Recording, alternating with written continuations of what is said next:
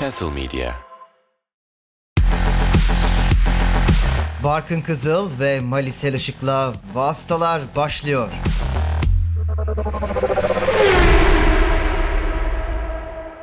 Castle Medya'da Galaxy Z Fold 4'ün katkılarıyla yayınladığımız Vasıtaların 92. bölümüne hoş geldiniz.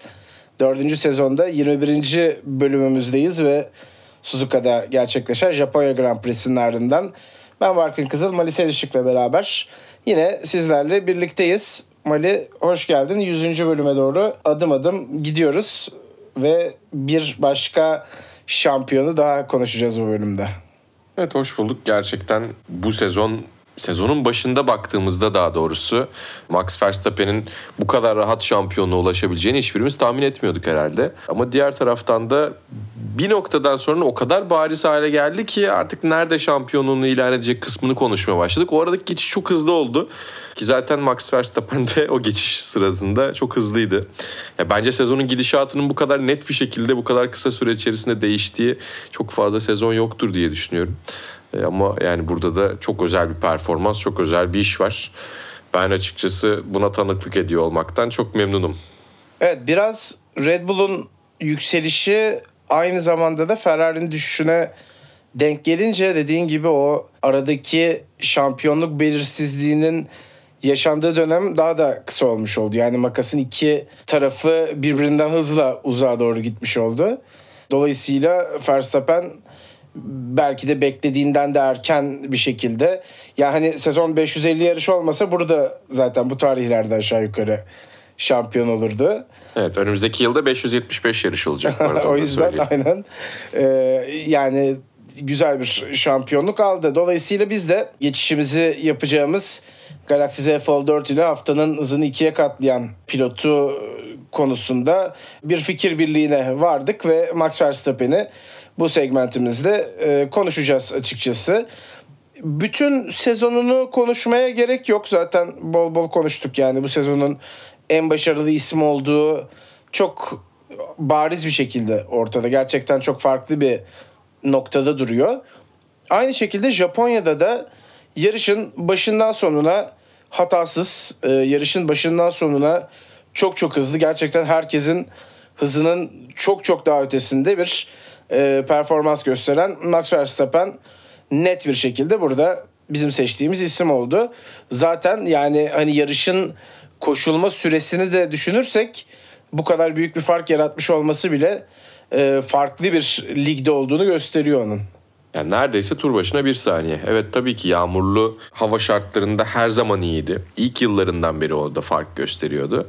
Fark yaratıyordu. Ama yani gerçekten 28 turluk yarışta 27 saniyelik bir fark çok çok özel bir fark. İstese ekstra pit stop yapabilirdi yani hani en azı tur puanına ihtiyaç olsaydı mesela. Çok limitlerini iyi biliyor bir taraftan ama diğer taraftan bakıldığında e, bu limitlerini iyi biliyor ama kendi limitleri de e, pist üstündeki çoğu pilotun rahat olamadığı noktanın ötesinde. Bir de öyle de bir durum var. Yani ne çok fazla temkinli ne de kariyerinin ilk zamanlarında olduğu gibi fazla risk alıyor.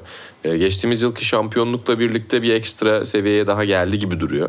Tabii ki bir taraftan şampiyonda rahat olmasının getirdiği de mutlaka artılar vardır ama ya bugünkü sürüşü de Max Verstappen'in sezon boyunca neden şampiyonluğu 4 yarış kala ilan edecek seviyeye geldiğini gösterir durumdaydı.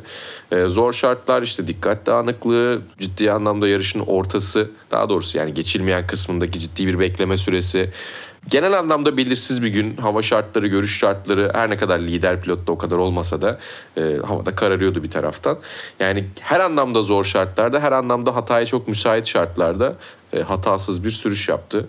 Ve e, senin de söylediğin gibi haftanın hızını ikiye katlayan ismi oldu. Hatta Abu Dhabi'de şöyle bir toparlar toparlarız diye tahmin ediyorum. Sezonun zaten şu anda o konumundaki pilot e, gerçekten hızını ikiye katlıyor. Ama önümüzdeki yarışlarda neler yapabilecek onu da merak ediyoruz. E, bir sezon içerisinde en çok yarış kazanma rekorunu bir yarış daha kazanırsa egale edecek.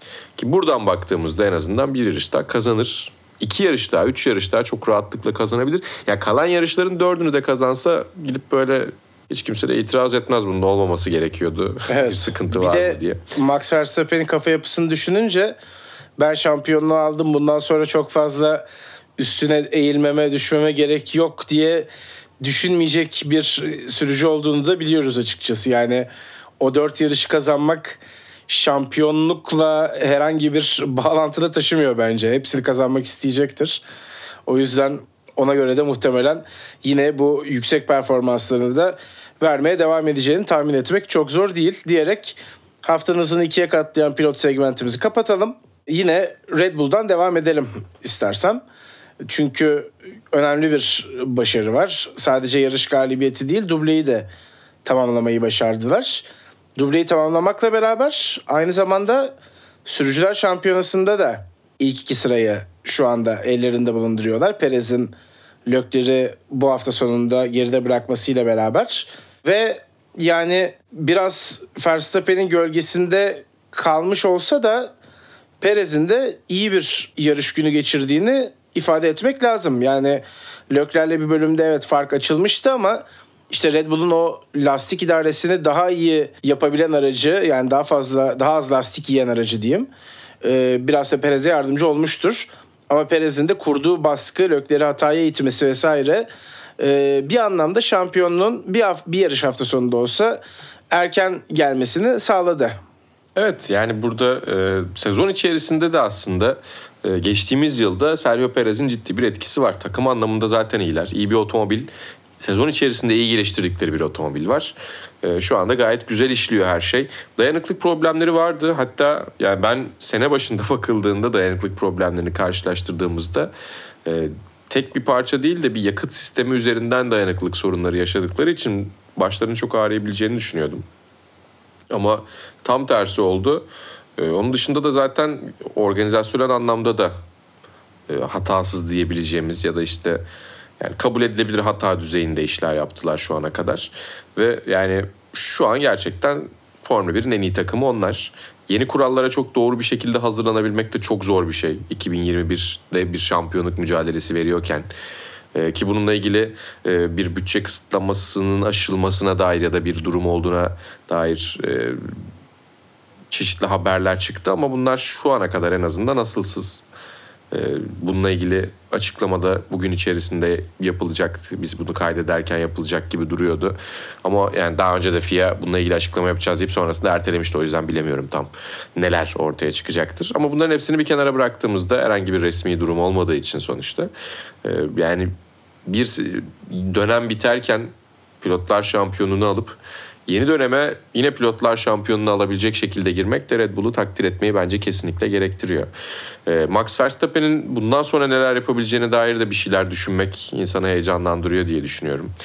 Ee, şu anda Sebastian Vettel'in izinden gidiyor. İlk şampiyonluğunu son yarış olan Abu Dhabi'de almıştı. İkincisinde Japonya'da 4 yarış kala ilan etti. Tam böyle 11 yıl arayla tekrar ediyor. Hatta Vettel de onu söylemiş. O zaman demiş bir sonraki şampiyonluğu Brezilya'da ilan edecek ama Dördüncüsü zor çünkü Hindistan'da yarış yok demiş. Dördüncü evet. şampiyonluğu alamaz demeye getirmiş. Ya tabii ki bu istatistikler her zaman böyle birbirini tekrar etmek zorunda değil ama gerçekten Red Bull'un organizasyonel anlamda ne kadar büyük bir başarı hikayesi olduğunu da tekrar hatırlamak lazım. Çünkü onlar sadece kendi markalarını tanıtmak için Formula 1'de var olmayı, yer almayı da tercih edebilirlerdi ama e, ya aldıkları operasyon da öyle şampiyon bir operasyon değil zamanında e, Jaguar'ı devraldılar ve ciddi anlamda bir hanedanlık inşa ettiler. Ve sürekli de zirveye geri dönebilmeyi başarıyorlar. En azından e, birkaç seferdir bunu görüyoruz. E, ve yani bu organizasyon içerisinde de olabilecek ellerindeki en iyi pilot var. Max Verstappen. Getirebilecekleri en iyi genç yetenekli o dönem içerisinde.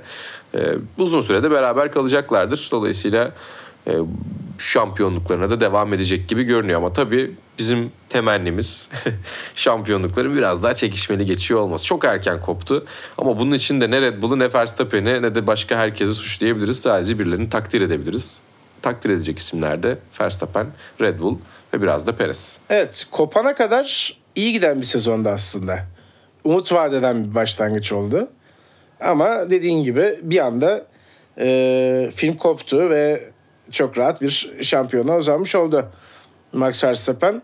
Ee, peki biraz da şampiyonluğun geliş şekline istersen artık konuşalım. ee, çünkü baya bir süre kafalarda soru işaretleri kalmaya devam etti. Sadece izleyenlerin ya da işte bizim gibi e, bu işi takip ederek izleyicilere ya da dinleyicilere bir şeyler sunmak isteyen profesyonellerin diyeyim değil. Pistin civarındaki neredeyse kimse tam anlamıyla ne olup bittiğini anlamadı. Öncelikle yarışın bitip bitmediğini anlamayanlar da oldu bir yandan. Ayrıca Verstappen de e, birkaç kez teyitlenene kadar şampiyon olduğunu bilmiyordu. Hatta olmadığını söylediğini duyduğumuz bir görüntüsü de var. O işte arkadaki kuliste değilim dedi. soğuma odası mı Perez desek sordu kuliste. Kulis ha. E, Perez'le konuşuyorlar. Ama sonra önce o enteresan sünnet koltuğu tadındaki şampiyonluk koltuğuna oturttular. Instagram kafesi şeklinde böyle. Daha doğrusu bazı kafelerin Instagram köşeleri gibi bir yer çok, ayarlamışlar. çok garip bir oda yapmışlar. Biraz e, enteresan buldum ben orayı. Verstappen de yadırgadı. O da enteresan buldu. Ne ki bu ne yapıyoruz burada deyip biraz baktı sonra çıktı gitti. Yani Evet, çok enterese oturdu. etmedi sanki orası onu. Zaten ne yapsın yani orada ekran koymuşlar. Şampiyonluk klibi dönüyor ama böyle ekranda birkaç parça falan garip bir odaydı gerçekten. Bir de küçücük. Gör, videoda çok iyi oynamıyordu sanki bir takılıyordu falan bana mı öyle geldi? olabilir. Ee, çok açmadı Verstappen orası. Çıktı. Jenson Button'dan aldı tebriğini. Ee, sonra zaten işte yarış podyumunun ardından da şampiyonluk kupası ve takımla beraber şampiyonluk kutlamalarını yaptığını gördük. Yani bu şampiyonluğun ilkinden de daha iyi hissettirdiğini de söylemiş. Şüphesiz öyledir. Ee, yani bir şampiyonluk mümkün. Yani herkes için çok zor bir şey ne olursa olsun. Formula 1'de şampiyon olmanın ne kadar zor olduğunu geçtiğimiz sene mesela çok net gördük. Ee, ama o şampiyonluğu, o başarıyı tekrar edebilmek hem bence e, kendine bir şeyleri ispat etmek için hem bu işi tesadüfen diyeceğim tırnak içinde yapmadığını görmenin getirdiği özgüven vesaire bence önemli bir anlam taşıyor. Onu da böyle bir altını çizmek istedim. Ee, şeyi de konuşalım Mali. Kurallardaki o yani aslında belirsiz de değil. Çünkü madde madde baktığın zaman ya da maddeye cümle cümle baktığın zaman ifade etmek istediği şeyi anlatıyor. Yani yarış kontrolünün burada bir hatası vesairesi yok başından bu yana. Ee, ama maddede bir yandan çok açık değil herhalde öyle söylemek lazım. Ya bir iletişim eksikliği var. Asıl problem o bence. Çünkü e, şimdi normalde iki eksikten bahsettik en azından. E, iki kafa karışıklığından bahsettik öyle söyleyeyim. E, biri yarışın süresi yani ekstra tur atılmaması. E, orada da doğru kural uygulanmış. Uygulandı diyemiyorum uygulanmış diyorum. Ben de sonradan öğrendim. Kafa karışıklığı yaşayan insanlardan bir tanesi de bendim. Diğeri de tam puan verilmesi. Orada da kural doğru şekilde uygulanmış. Ee, ama burada bunları daha rahat bir şekilde, daha net, daha berrak bir şekilde kural kitapçığına yazabilirlerdi. Hadi diyelim kural kitapçığıyla alakalı şeyin net olduğunu düşünüyorlar ki aslında net. Ee, burada şunu yapabilirlerdi. Bir şekilde canlı yayına bir grafik olarak, bir yarış kontrol mesajı olarak e, tam puan verileceğine dair ve yarışın 3 saat limitiyle biteceği dolayısıyla süre bittikten sonra ekstra bir tur atılmayacağı yani 2 saat artı bir tur gibi değil Singapur'daki gibi 3 saat tam olarak süre bittikten sonra e, lider ilk kez start finish düzlüğünden geçerken çıkacak denilebilirdi. Bir araya girip e, bir yani ufak soru soracağım. Onunla ilgili ne düşünüyorsun diye. Aklında tut lütfen. Aslında görüntüye gelen grafiklerde herhangi bir hata yoktu. Yanlış hatırlamıyorsam son tur olduğu da yazdı. Puanlama zaten yazdı. Yo bu şey e, son tur olduğunu pisttekiler bilmiyordu. E, Tam puan verilmesinin sebebini de biz bilmediğimiz için grafik hatası zannettim ben açıkçası. E, bu ama yarış kontrolü e, aslında danışıklı bir durum olabilir mi onu soracaktım. Bence öyle çünkü. Ya evet ama ya şöyle olabilir. Şimdi e, pilotun pilotlar daha doğrusu kafası karışmış onlar tam puan beklemiyor. E, takımlar tam puan beklemiyor. Bunların en azından bir mesajla net bir şekilde verilseydi e, biz bir telsiz mesajı duyardık. Max Verstappen'in şampiyonunun telsiz mesajı yok mesela bu sene. Evet. Onun dışında tabii ki. e, son şikanlar çok daha heyecanlı olabilirdi. Çünkü onun şeyi çok daha farklı olurdu. Lökler'in ceza alma ihtimaliyle gelen şampiyonluk falan. Yani bir sürü e, olayın heyecanını e, götüren bir iletişimsizlik oldu. Yoksa evet kurallar varmış ve o kuralları uygulamışlar. Tamam doğru. Bir de şöyle bir durum var. E, FIA e, geçtiğimiz yıl Belçika Grand Prix'sinden sonra bu yıl e, yeni kuralları işte yarışın 3 ayrı bölümü e, %25'e kadar %25 pardon %25 ile 50 arası işte 50 ile 75 arası ve sonrasında zaten tam puanların verildiği 4'te 3'lük kısmı. Ee, oradan e, açıklama yapıldığı zaman daha doğrusu e, kontrol ettim Şubat ayında yarışın askıya alınması değil yani daha doğrusu yarışın bitirilmemesiyle alakalı değil ama askıya alınmış yarışlar diye geçiyor orada. Kural kitapçığında şey diye geçiyor yine. Askıya alınmış yarış ama damalı bayrakla bitmeyen anlamında söylüyorlar onu. Bir kısmı koşulabilmiş veya bir kısmı koşulamamış yarış değil. Dolayısıyla damalı bayrakla koşulduğu andan itibaren tam puanlar verilecek diye çok şu andan bakıldığında net görünen bir şey var. Ama bana yani yarıştan önce, yarış sırasında, son turlarda kural kitapçığının o kısmını getirip okutsaydınız ben yine sadece ha, şurada şu şu kadar mesafede şu puanlar veriliyor deyip onları not alırdım. Asla yarış e, askıda değil e, dolayısıyla damalı bayrakla bitecek. O yüzden tam puan aklımın ucundan geçmezdi. Ha, bu benim eksiğim olabilir tabii ki onu bilemiyorum. E, ama ya burada da bir e, iletişim eksikliği var. Çünkü ne olursa olsun e, bu yarışı, bu şampiyonluğa giden son turları düzgün bir şekilde dünyaya duyurabilmek de bence önemli. E, o anlamda doğru iletişim gerekiyor. Yarış kontrolde mesajları parayla atmıyor sonuçta. E, o yüzden bence e, yani ceplerinden çıkan da bir şey yok. E, yarış kontrolün olaya çok fazla müdahale olduğuyla alakalı bir şey de değil. Bu sadece daha net bir şey. Yani şey değil hani Verstappen şampiyon olacak diye bir mesaj değil ama damalı bayrakla biterse tam puan verilecek diye bir mesaj ben görseydik o zaman çok daha net bir şekilde anlardık herkesin. Yani ezbere bilmek kimse zorunda değil sportif regülasyonları. Öyle bir beklenti varsa da onu da söyleyeyim. E, takımlar e, da, dahil olmak üzere yani bu işin direkt içinde olanlar dahil olmak üzere. E, yarış kontrolü tabii ki zorunda ama onlar da ezberleyemeyebiliyorlar tabii ki. Sadece en azından genel olarak bilip uygulamak önemli. Burada uygulamayı yapmışlar ama herkesi e, kendileri kadar o aradaki çok ufak nüansı fark edebilecek noktada düşünmeleri bence birazcık eksiklik olmuş. Çünkü evet tabii ki bazı şeyleri netleştirmek önemli ama netleştirdiğiniz şeyleri karmaşıklaştırıyorsanız bunun açıklamasını da bence borçlusunuz diye düşünüyorum. Ee, bunlar hata değil ama bunlar eksiklik diyebiliriz belki. Ee, ve şey yani hani bir taraftan e, Max Verstappen işte yarım puan mı gelecek, kaç puan gelecek bilmiyordum diyor. E, Helmut Marko bizim istatistiklerimiz bir puana daha ihtiyacımız olduğunu söylediler. O yüzden sürpriz oldu demiş ki onlar da işte Verstappen 19 puan, e, arkasında e, Sergio Perez 14 puan. E, üçüncü sırada da Charles Leclerc 12 puan alacak. Yani Max Verstappen'in aslında 20 puan alması gereken bir senaryo. Yani en hızlı turu alsaydı şampiyon olacaktı şeklinde bakmışlar. E bir de %50'yi ucu ucuna geçtiğimiz için e, yani kimsenin aklına tam puan verilebileceği gelmemiştir diye düşünüyorum ben. Ya orada bir garip durum vardı. Evet bu kurallar gerçekten varmış. Bu kurallar doğru şekilde uygulanmış. Ama bundan e, yarış kontrol dışında kimsenin haberinin olmaması, yarış kontrol dışında kimsenin kafasında bunun oturmaması ki yani gerçekten çok akıllı insanlar var bu sporun üzerine bir şeyler söyleyen. E, onların dahi bunu fark etmemiş olması bence e, bana ne fark etseydiniz ya da olur mu sizde hata var denilecek kadar kolay işin içinden sıyrılabilecek bir şey değil.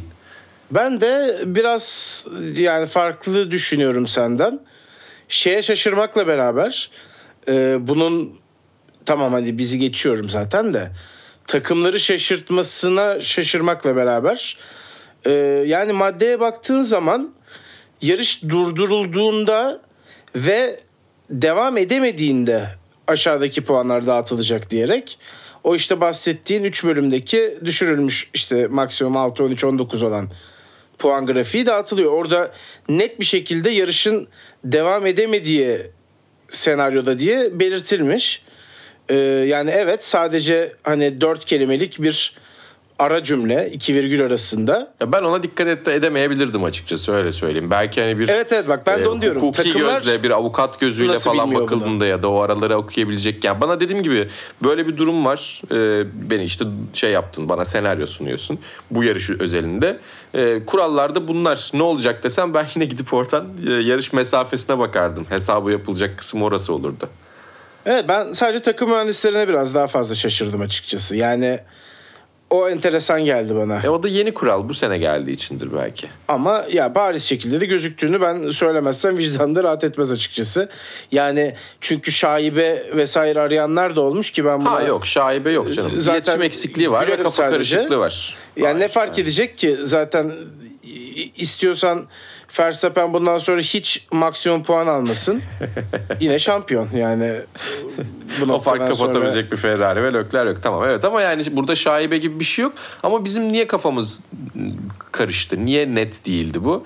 O da dediğim gibi bence dışarıya olan bir e, iletişim eksikliğinden dolayı. Çünkü yani şöyle de düşün. E, tamam evet grafiklerde bunu doğru vermişler ama yani grafiklere de ne kadar güveniyoruz ya da daha önce şimdiye kadar ne kadar hata yaptılar. Bir de öyle de bir durum var. Biraz yalancı çobanlık durumu da oldu. Yoksa evet sadece grafiklere baksan ve bu kurallardan bu kural değişikliğinden mesela haberdar olmasan gerçekten yanılmayarak yarışı izleyebilirmişsin belki. Ama işte yani burada bunun üzerine bu kadar konuşulacak kadar bir e, kafa karışıklığı olması dahi bir şeylerin düzeltilmesi gerektiğini bence söylüyor. Yani şey de arttırdı tabii. Şampiyonluk yarışında şampiyonun belli olacağı bir senaryoda bunun meydana gelmesi de biraz daha tartışmayı arttırdı. Yani öyle sezonun 5. 6. yarışında herhangi bir yarışta böyle bir durum olsa muhtemelen 5 dakika konuşup geçerdik. Ya öyle sandık öyle değilmiş diye. Aynen öyle. Bundan sonra aklımızda bulunsun deyip bir sonraki seferde yine unutmak üzere. Aynen. Ee, evet doğru. Bir de bir şeyin daha tabii önüne geçti bu durum. Ee, evet. Piste çıkan o traktör gerçekten büyük bir skandal. Yani hı hı. yarış direktörü için, FIA'nın kendisi için, herkes için bence utanç kaynağı olması gereken bir durum. Henüz otomobiller güvenlik aracının arkasında da olsa pit alanına dönmemişken ya da işte e, kırmızı bayrak çıkıp sonra mı çıktığını tam olarak anımsayamadım öyle miydi?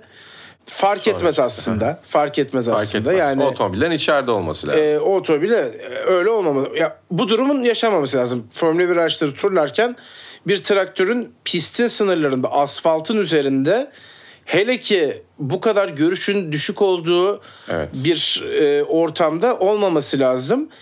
Kaldı ki yani çok da değil aslında 10 sene geçmedi üzerinden. 8 sene önce yine bir traktöre burada e, çarparak ya da işte kontrolü kaybedip traktöre denk gelerek diyelim hayatını kaybeden Jules Bianchi de varken aynı pistte e, çok affedilemez ve bence üstünde aslında durulduğundan çok daha fazla konuşulması gereken bir durum oldu. Yani o traktörü görmeyen de çok fazla isim vermiş zaten yanından geçip. Tabii tabii. Yani şey çok kötü. Bu çok net bir şekilde rezalet zaten. Bunu kimse tartışmıyordur diye tahmin ediyorum. Bundan sonra bunun olmaması için yapılabilecek ekstra bir önlem de yok. Sadece buna dikkat edilmesi gerekiyor. Daha önceden zaten beklendiği gibi. Ama yani e, en çok tepki gösteren Pierre Gasly'ydi. O çünkü e, startta e, Carlos Sainz'ın kazası nedeniyle onun piste taşıdığı reklam panosunu otomobilin önüne aldığı için en geride oydu. Dolayısıyla önünde sağında solunda referans alabileceği bir otomobil de yoktu. Ee, onun bir anda böyle bir çekici araçla, e, kurtarıcı araçla karşı karşıya kalıyor olması çok ciddi bir şok etkisi yaratmış. Bir de üstüne Jules Bianchi'nin yakın arkadaşlarından bir tanesi. Hani bunların hepsi bir araya geldiğinde onun tepkisini çok net bir şekilde anlamak lazım. Ha tabii o bölgeye geçtikten sonra e, kırmızı bayraklar altındayken çok fazla hız yapmış ve o yüzden bir pitten geçme cezasının eşdeğeri cezada eklendi. O başka. Ama yani zaten e, çok acayip bir şekilde e, 2022'de Formula 1'de böyle bir şey görüyor olmak beni çok şaşırttı. Bir de yani bunu e, şundan bahsediyoruz. Hani Monza'da da pistte e, Daniel Ricciardo'nun aracını çıkartabilmek için bir e, kurtarıcı araç girdi. Ama orada kuru zeminden bahsediyoruz. Güvenlik aracı ciddi anlamda otomobilleri yavaşlatarak oradan geçiriyor.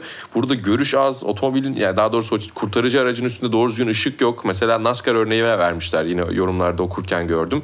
NASCAR'da onların etrafı çok e, aydınlık, çok ışıklı bir şekilde fark edilsin diye yapılıyor şeklinde bir e, karşılaştırma yapılmış.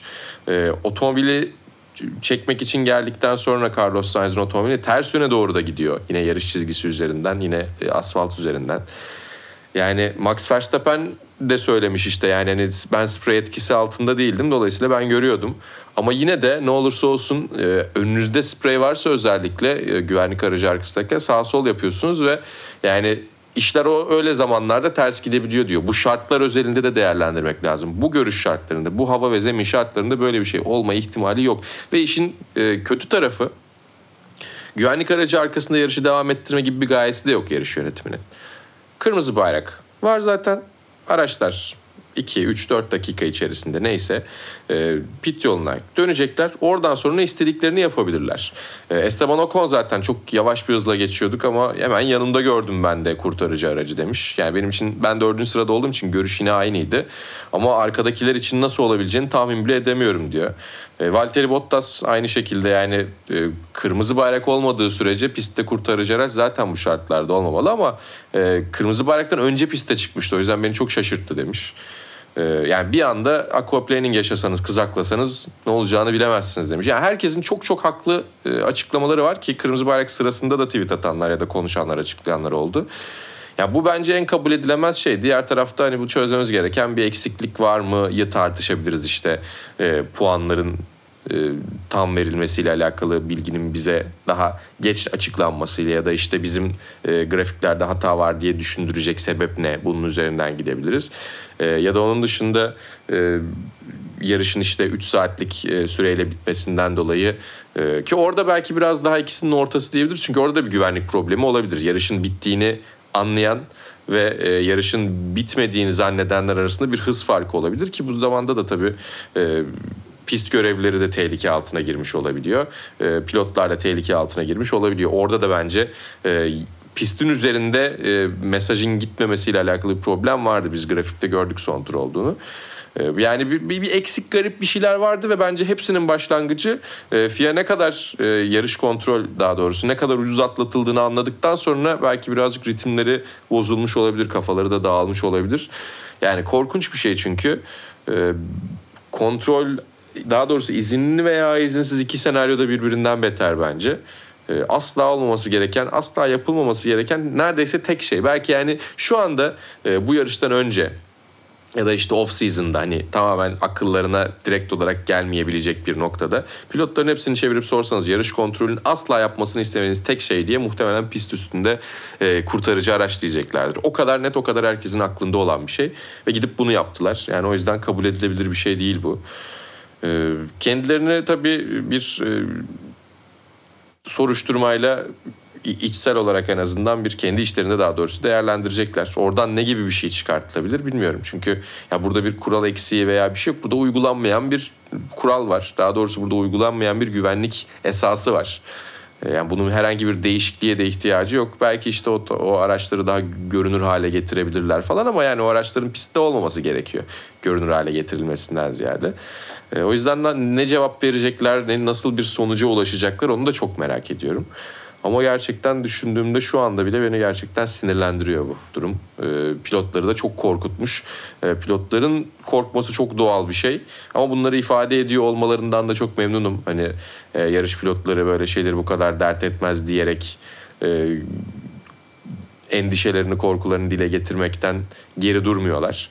Yani nereye gideceğini merak ediyorum bu sürecin. Çünkü e, FIA'nın ne kadar e, suçu üzerine alacağını merak ediyorum. E, genelde almamayı tercih edebiliyorlar.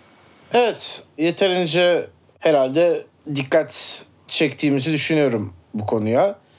E, Verstappen'i bir kez daha çifte şampiyonluğu için tebrik edelim. Arka arkaya şampiyon olan 11. pilot oldu tarihteki.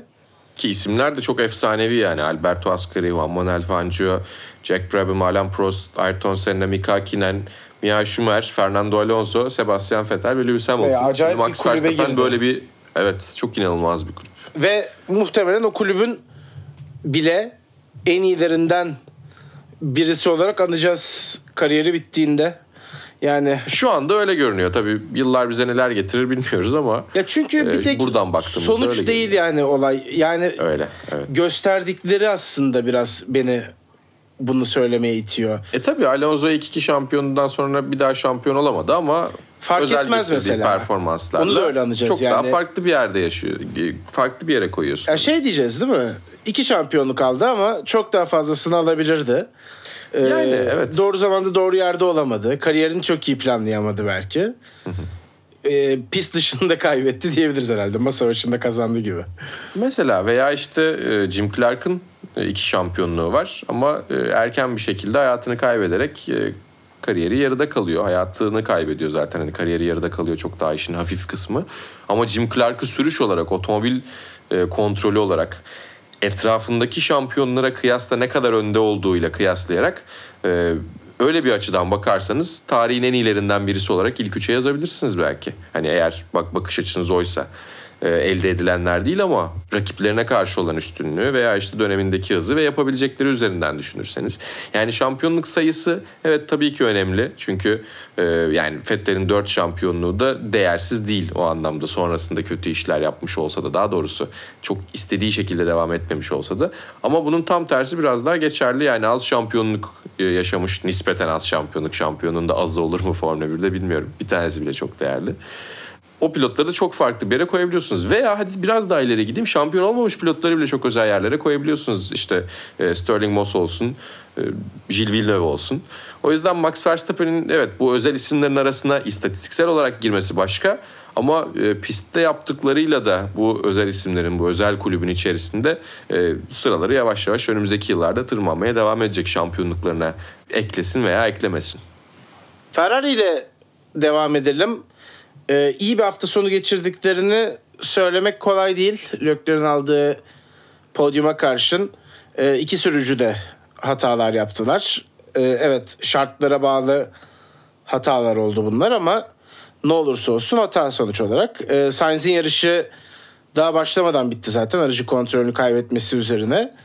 E, ki yani sosyal medyada ki bir türbün çekimi videoda daha fazla anlaşılıyor kazanın şiddeti. Onu görenler olmuştur muhtemelen. Ee, bunun dışında Lökler'in de o geçiş lastiklerini yani yeşil logolu lastikleri pist ıslak olmasına rağmen nedenli bitirdiğini yarış sonrası bir fotoğraftan görebildik. Ee, bu da aslında belki Ferrari'nin tek turda neden daha hızlı olduğunu ifade etmese de tek turda hızlıyken nasıl yarışta Red Bull'dan daha yavaş olduğunu net bir şekilde gösteren bir detay olarak bana geçti açıkçası. E, tabii Perez'in kurduğu baskı şahaneydi. E, şampiyon olacaksa Leclerc bir gün bu tür baskılarda lastiklerin ya da aracın durumu ne olursa olsun e, bence o baskının getirdiği bir hatayı yapmaması gerekiyor. Öyle de düşünüyorum. Bence hala o anlamda gidilecek yolu var. E, bilmiyorum sen neler söylersin. Senin de fikrini merak ediyorum. E, ama e, sonuç olarak Perez istediğini alan taraf oldu. Hatta istediğini alır almaz da böyle gülerek bir tersiz mesajı var. Lökler'e cezanın geleceğini hemen anlıyor şikanı kestikten sonra piste dönüşünde. Ee, ve nihayetinde iki sürücüsüyle birden hata yapan ve istediği pozisyonların daha arkasında bitiren bir Ferrari oldu Suzuka'yı. Evet e, yani Sergio Perez güzel hataya zorladı. Otomobili ve lastik yönetimi çok daha iyi zaten e, Lökler'e kıyasla. Yani Ferrari adına bu yarışta söyleyecek çok bir şey yoktu bence. Geri kalan yarışlarda acaba hani şampiyonluğun kaybedilmesiyle e, üzerlerinde bir baskı var mıydı ama bilmiyorum. Şampiyonluğu bence kaybedeli bayağı oldu. E, tekrar böyle bir hayat belirtisi Ferrari'den görür müyüz? Bir galibiyet elde edebilirler mi? Sezon sonuna kadar bunu isteyeceklerdir. Ya onun dışında da üzerine söyleyecek çok fazla bir şey yok. Çünkü bence bu ana gelene kadar zaten e, çok şey söyledik Ferrari ile alakalı. Bu yarışta zaten çok uzun bir yarış değildi. O yüzden hani üzerine söylenebilecek ne, ne var diye şöyle bir düşündüğümde evet senin de söylediklerin ben katılıyorum seninkilere. tamam. Ee, Mercedes'i de o zaman ben sana biraz bırakayım. Hı hı. Russell'ın şikayetçi olduğu bir yarış oldu. Hamilton biraz daha koordine gözüktü takımla ama o da o konu bir türlü geçemedi.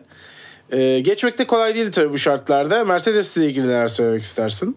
Ya bir kere zaten Alpinlerin düzlük hızı inanılmaz. O yüzden e, Alonso çok rahat geçişler yapabildi. Fazladan pite geldikten sonra da e, pek çok geçiş yaptı. Ekrana genellikle yansımamış onlar ama e, yani Lewis Hamilton yapması gereken her şeyi yapmasına rağmen geçiş yapılabilecek aslan yerler gibi düzlükler... savundu diyebilir miyiz bu defa? Diyebiliriz. Aynen Ocon aslan gibi savundu ama yani Alpin'de kaplan gibi bir e, güç ünitesine ve e, düzlük hızına sahip. Sadece güç ünitesi değil tabii ki muhtemelen ayrı ayarlarıyla da e, bunu kullanmışlardı. Ama sezon boyunca tabii Alpinleri düzlüklerde geçmek kolay olmadı.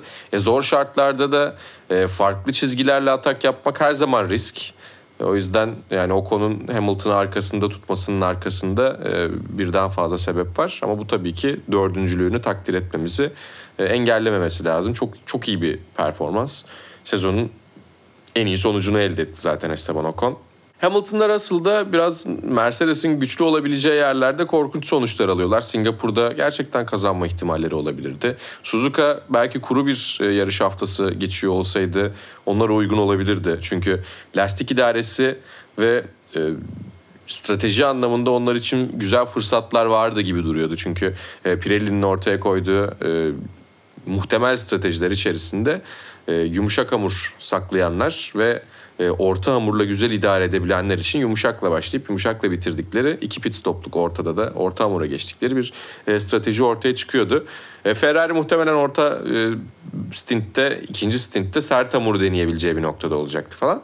Yani oradan e, kendilerine yine e, podyuma çıkabilecekleri, ön tarafı zorlayabilecekleri bir yarış çıkartabilirler gibi duruyordu. Ama diğer taraftan hafta sonu tabii ki bu yağmurlu başlayınca ve pazar günde yağmur ihtimali olunca e, sıralama turlarında da e, biraz sanki yağmur ayarı cuma günlerinden cuma günden itibaren yağmurlu bir yarışa biraz daha hazırlanıyorlar gibi göründü. E, tüm bunların etkisiyle de bir beşincilik bir de sekizincilik geldi onlar için. Çok ideal bir sonuç değil tabii ki ama yani e, podyum serisini de o kadar uzun süre devam ettirememeleri çok doğal bence. Çünkü bazı yerlerde hala e, çok net bir şekilde öndeki iki takımdan, öndeki iki takımın otomobillerinden yavaşlar. Bu sene yarış kazanırlar mı sorusunun cevabı da herhalde hayır. Ben bunu dedikten hemen sonra gidip Amerika'da kazanabilirler mi? Kazanabilirler. Ama normal şartlar altında çok mümkün görünmüyor. Yani en azından e, acayip bir yarış olmadığı sürece Mercedesler bu sene yarış galibiyeti almadan devam edecekler gibi. Evet bir sürpriz galibiyet Singapur'da sen herhalde en net orasıydı. Uzun vadede. Orada da olmadı yani çünkü. Orada da olmadı. Ee, ben de şey düşünüyordum. Hani rakiplerin hepsinin birden hata yaptığı bir yarışta neresi olursa olsun böyle Mercedes'in üstünlüğü değil de hani herkesin hep beraber toplu bir saçmalama yaşadığı bir yerde olur diye düşünüyordum. Çünkü hangi pist olursa olsun Mercedes'in net bir üstünlük kuramayacağını tahmin ediyordum. Çünkü hani birini ekarte etseniz öbürü var hala önünüzde falan gibi bir durum var ya. Belki buraya Alpine vesaireyi de koyabiliriz. Çok e, net bir üçüncü otomobil olmadı sezon boyunca Mercedes. E, dediğin gibi herhalde kazanamadan da bitirebilirler bu sezonu. E, batsız bir George Russell olduğunu söylemek lazım. Bu kadar kazanan bir takıma geldiği anda e, kazanabilecek temponun gerisinde buldu otomobili. Alpine'den de bahsettin aslında. Söylemek istediğin başka bir şey var mı Alpine'le ilgili? Güzel bir yarış hafta sonu oldu onlar için. Yani Alonso'nun hala gidiş kararını şüpheye düşürebilecek bir e, grafik çiziyorlar. Ee, yani yarışla ilgili ekleyeceğim bir şey yoksa biraz Alpin Gazli muhabbetini konuşalım. Evet yani Alonso bence pişman olmayacaktır. Çünkü Alonso Alpine'le iyi puanlar toplayıp arada bir de podyum ihtimali belki galibiyet ihtimalini kovalamıyor. O daha büyük bir kumar oynayıp gerekirse e, şampiyonluk olabilecek ama daha geriden gelebilecek bir takıma risk aldı. Bence arkasına çok fazla bakmıyordur. Ama bu tabii ki Alpinlerin şu anda e, takımlar şampiyonasından beklentilerini karşılayacak bir noktada olmalarını da e, yatsıyacak bir e, noktada değiliz. Ne biçim bir cümle kurdum e, gerçekten. Yarışın başından sonuna o e, karma karışıklığı tek bir cümle içerisinde eritmiş oldum. Yani şu anda takımlar şampiyonasında dördüncülük mücadelesi veriyorlar McLaren'la. McLaren bir ara onların önüne geçmişti. Tekrar orayı geri aldılar. Sezonun sonuna kadar neler yapacaklar göreceğiz ama tabii bence bir podyuma ihtiyaçları kesinlikle var. Podyum olursa tatmin olacaklardır diye düşünüyorum ama Alpine'in zaten şampiyon olacak bir durumu pek olmuyor. Ee, ama bir taraftan da çok arkalarda da sürünmüyorlar. İkisinin ortasında bir yerde salınıyorlar. Ee, verdikleri paranın karşılığını, harcadıkları paranın karşılığını reklam olarak, tanıtım olarak aldıklarını düşünüyorlar. O yüzden Alıyorlar bence memnunlardır. Bence. Yani kendi renkleriyle, kendi adıyla da yarışıyor takım nasıl olsa. Ve kendi ülkesinden pilotlarla yarışacak seneye. Evet, e, Pierre Gasly hayırlı ve uğurlu olsun. E, bir ufak kahin ahtapot anı yaşadığım için kendimi öveceğim. E, kusura bakmasın dinleyicilerimiz. E, biraz belliydi. Gasly'nin Alfa Tauri'ye sert çıktığında demek ki gidiyor diye düşündürtmüştü bana. Hiç iletişim yok demişti mesela. O da bence bir mesaj, uzun vadeli bir mesaj. Bugün işte sana anlattım dinleyenlerimize de anlatmış olayım. Yolda Ee, aradığında açmazsam bil ki akıllanmışımdır yazılı bir kamyon görünce Pierre Gasly geldi aklıma hemen. Ee, bir daha Red Bull'dan muhtemelen telefon alırsa açmazsa akıllanmıştır.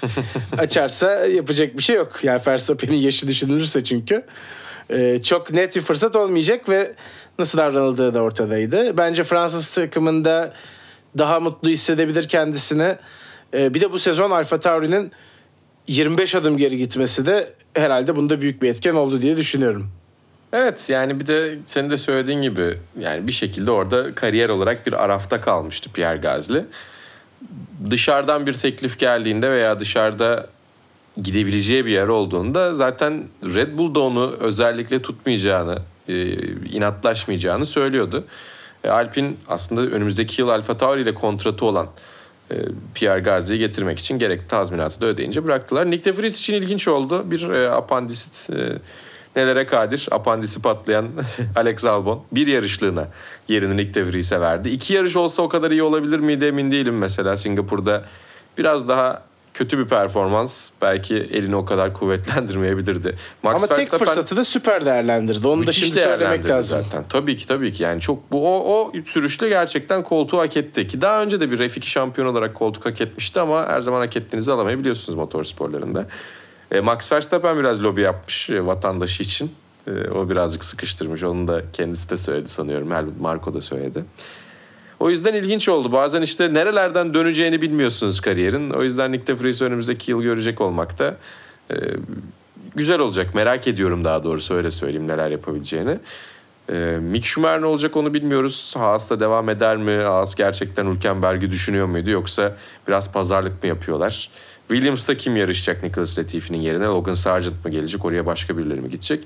Bunları öğrendikçe e, sizlere aktarmaya, üzerine konuşmaya devam edeceğiz. Ama yani güzel her zaman e, ko- kokpit e, spekülasyonları, her zaman grid üzerine bir şeyler konuşmak, tahmin yürütmek ilginç oluyor.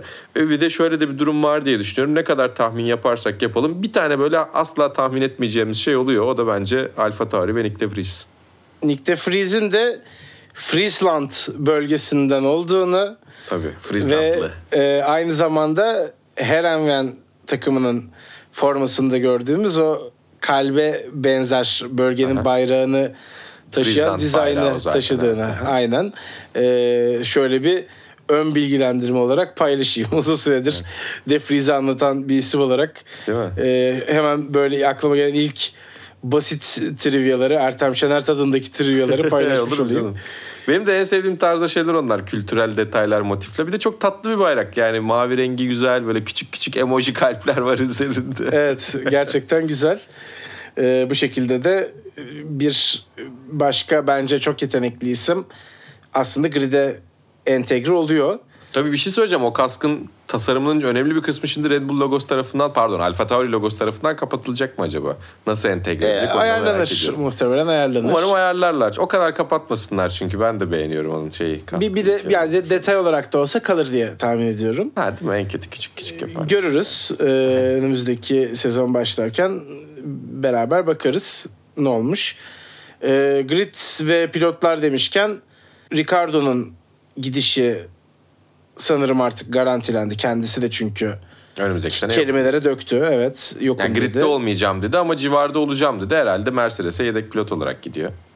Göreceğiz ne yapacağını. Belki bir işte hani sürücünün yarış kaçırdığı bir durumda herhangi bir koltukta kendisi başvurulabilecek isimler arasına girmiş olabilir. Neden olmasın çünkü. Ee, onun dışında yani Lando Norris yine bir şekilde ilk ona girdi. Puan çıkarttı. Puanların tam dağıtılmasıyla beraber. Ee, Ricardo da ilk onu ıskaladı ama yine de en azından Norris'in arkasında yarışı bitirdi. Çok fazla söylenecek bir şey yok gibi görüyorum. Hatta bundan sonraki diğer bütün takımlar için de benzeri bir durum var. Yani eklemek istediğim bir not var mı sana onu sorayım. Yok. O zaman e, Suzuka'yı, Japonya'yı bu şekilde konuşmuş olduk. Max Verstappen'in şampiyonluğunu değerlendirdik. E, aynı zamanda bizim için güzel bir haftaydı. Toprak Razgatlıoğlu Superbike Dünya Şampiyonası'nda iki galibiyet, bir ikincilik elde etmeyi başardı. Portimao'da Algar pistindeki mücadelede. Ee, yine Süper Sport'ta Can Öncü bir dokuzunculuk bir üçüncülük podyum yakalamış oldu pazar gününde. Bahattin Sofol da aynı şekilde. O da cumartesi biraz daha zayıf geçti. 11. olup puan aldı. Ve ikinci yarışta da 5. oldu. Aynı zamanda e, Avrupa'da yarışan sürücülerin arasındaki şampiyonayı Süper Sport Challenge mücadelesini kapatmış oldu. Galip kapatmış oldu. Orada bir Şampiyon şampiyonluk da diyebiliriz diyebiliriz. bir evet, şampiyonluk şampiyonluk diyebiliriz bunun ismine.